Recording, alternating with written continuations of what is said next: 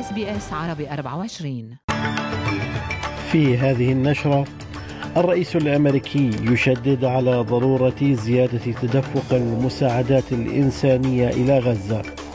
وزير الدفاع الإسرائيلي يتهم حماس بممارسة تلاعب نفسي بشأن الرهائن. والآلاف يتظاهرون في سيدني وملبورن بشأن الحرب في غزة.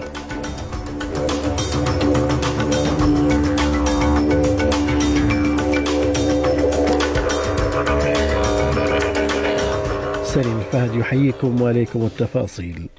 شدد الرئيس الأمريكي جو بايدن على الحاجة إلى زيادة مهمة وفورية في تدفق المساعدات الإنسانية إلى قطاع غزة وذلك في اتصال هاتفي مع رئيس الوزراء الإسرائيلي بنيامين نتنياهو وفق ما أعلن البيت الأبيض. وفي اتصال منفصل مع نظيره المصري اتفق بايدن وعبد الفتاح السيسي على التسريع المهم والزيادة في تدفق المساعدة إلى غزة بدءا من اليوم وبشكل متواصل وفق ما أكد المصدر ذاته. يأتي ذلك فيما جدد الأمين العام للأمم المتحدة أنطونيو غوتريش دعوته إلى وقف فوري لإطلاق النار في غزة والإفراج عن الرهائن الذين تحتجزهم حماس وقال غوتريش إن العنف المستمر لا يحل أي شيء The situation in Gaza is growing more desperate by the hour. I regret that instead of a critically needed humanitarian pause supported by the international community, Israel has intensified its military operations. The number of civilians who have been killed and injured is totally unacceptable. في غضون ذلك قالت وكالة غوث وتشغيل اللاجئين الفلسطينيين التابعة للأمم المتحدة إن الناس في غزة وصلوا إلى نقطة الانهيار واقتحم الآلاف في غزة مستودعات المساعدات وأخذوا الدقيق والإمدادات الأساسية الأخرى وقد عبرت ما يزيد قليلا عن 80 شاحنة مساعدات إلى غزة خلال أسبوع واحد حتى الآن هذا وتقول جولييت توما من وكالة الأونروا إن الوضع أصبح لا يطاق بالنسبة لسكان غزة This is an indication that people in Gaza have reached a breaking point.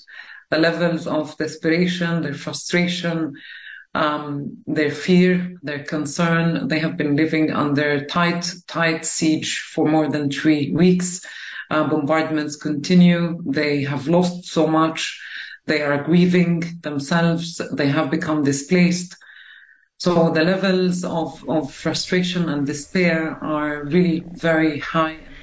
من جانب آخر تفيد التقارير بأن خدمات الاتصالات والإنترنت بدأت تعود ببطء إلى قطاع غزة بعد انقطاع كامل للاتصالات يوم الجمعة. كما قالت جمعية إسعاف الهلال الأحمر الفلسطيني الأحد أن الجيش الإسرائيلي وجه إنذارات بضرورة إخلاء مستشفى القدس التابع لها وسط قطاع غزة ويقوم بقصف محيطه بشكل متواصل ما تسبب بأضرار في أقسامه.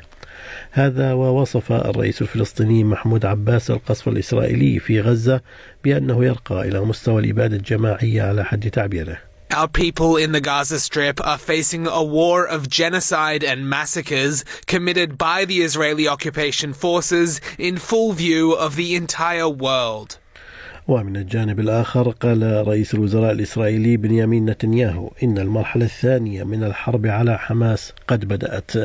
فيما اتهم وزير دفاعه يواف جالانت حماس بممارسة ما أسماه التلاعب النفسي بشأن الرهائن الذين تحتجزهم في قطاع غزة وذلك غداة إبداء الحركة استعدادها للإفراج عنهم مقابل إطلاق سراح كل المعتقلين الفلسطينيين في السجون الإسرائيلية. هذا وتقول مراسلة اس بي اس عربي 24 في الأراضي الفلسطينية راما يوسف إن السلطات الإسرائيلية لم ترد حتى الآن على مقترحات حماس بشأن تبادل الرهائن. لم يرد أي رد من الجهات الإسرائيلية آه، بهذا الخصوص خاصة بعد الحديث مطولا من قبل الجهات الفلسطينية عن استعدادهم لصفقة تبادل الأسرى آه، إلا أن موضوع الرهائن آه، فرض فعليا على برنامج نزول الحكومة الإسرائيلية. مؤخرا كما لمسنا في التصريحات الإسرائيلية خصوصا في ظل تأخر الدخول البري وأيضا الإفراج عن أربعة رهائن مدنيين من قبل حماس في الأيام الماضية. وهنا في أستراليا تجمع الآلاف من الأشخاص في سيدني وملبن أمس في مسيرات داعمة للفلسطينيين وأخرى لإسرائيل وسط الصراع الدائر في الشرق الأوسط. يأتي ذلك فيما استمر الجيش الإسرائيلي في شن غارات جوية على قطاع غزة فضلا عن اشتباكات برية في الحدود الشمالية للقطاع.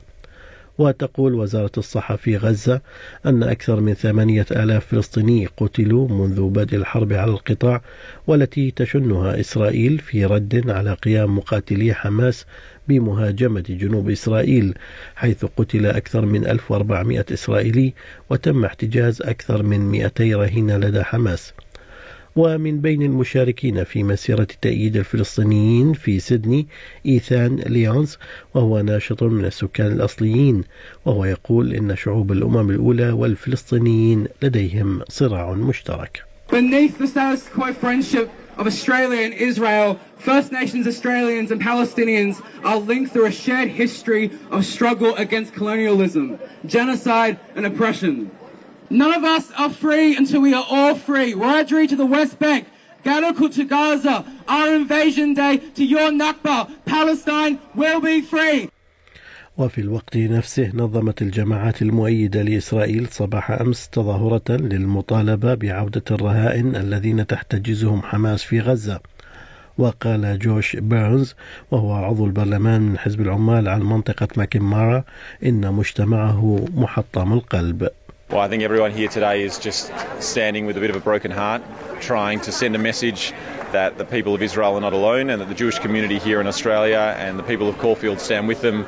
في غضون ذلك تعرضت حكومة البانيزي لانتقادات بسبب امتناعها عن التصويت على قرار للأمم المتحدة يدعو إلى هدنة إنسانية فورية في غزة وتمت الموافقة على قرار الجمعية العامة للأمم المتحدة بأغلبية 120 صوتا وامتناع 45 دولة بمن فيهم أستراليا عن التصويت وتصويت 14 دولة بمن فيهم إسرائيل والولايات المتحدة بلا. وقال مندوب أستراليا عفوا لدى الأمم المتحدة جيمس لارسن أمام الجمعية العامة إنه رغم موافقة أستراليا على أهدافها فإن القرار لم يكن كاملا في عدم تضمين تسمية حماس كمرتكبي هجمات 7 من أكتوبر تشرين أول.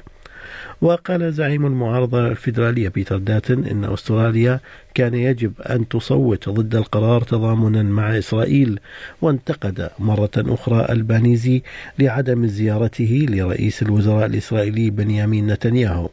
أما زعيم حزب الخضر آدم بانت فقد قال إن عدم التصويت على القرار يعني أن الحكومة تدعم القصف الإسرائيلي لغزة. It is shameful that Labor refused to join most of the world in calling for a ceasefire to stop this humanitarian catastrophe unfolding. By refusing to call for a ceasefire, Labor bears some responsibility for what happens next. في أخبارنا العامة. من المقرر صدور أحدث أرقام من قطاع التجزئة اليوم فيما من المرجح أن يكون مؤشرا قويا لقرار سعر الفائدة الأسبوع المقبل. وستسلط بيانات تجارة التجزئة الصادرة عن مكتب الإحصاءات الأسترالي بعض الضوء على أنماط الإنفاق الاستهلاكي في أيلول سبتمبر قبل رفع سعر الفائدة المحتمل لبنك الاحتياطي الأسترالي الثلاثاء. يأتي ذلك فيما قال زعيم المعارضة بيتر داتن لشبكة سكاي نيوز إنه يعتقد أن مصرف الاحتياط سيرفع أسعار الفائدة للمرة الثانية عشرة في ظل الحكومة العمالية الأسبوع المقبل The government's had two budgets where they've had the ability to make decisions which would ease the pressure on inflation and therefore bring interest rates back. Uh, they haven't done that. In fact, they've added to the inflationary pressures. Uh, Australians are feeling that at the moment. They understand exactly what's happened over the last 18 months. They feel a great frustration. في خبرنا الرياضي اكتسح المنتخب الأسترالي للسيدات بكرة القدم الماتلداز نظيره الفلبيني بثمانية أهداف نظيفة في المباراة التي جرت بينهما أمس في بيرث ضمن مشواره في التصفيات المؤهلة للألعاب الأولمبية في أسعار العملات بلغ سعر صرف الدولار الأسترالي 63 سنتا أمريكيا. حالة الطقس المتوقعة ليوم غ... لهذا اليوم عفوا بيرث مشمس أقصى درجات الحرارة فيها 24 أدليد أمطار متفرقة 19 ملبن أمطار 21 هوبرت أمطار متفرقة 18 كامبرا مشمس 27 سيدني غائم جزئيا 33 بريسبن مشمس 28 وأخيرا داروين أمطار متفرقة 35 درجة. كانت هذه نشرة الأخبار قرأها على حضراتكم. سليم الفهد من أس بي أس عربي 24 شكرا لإصغائكم.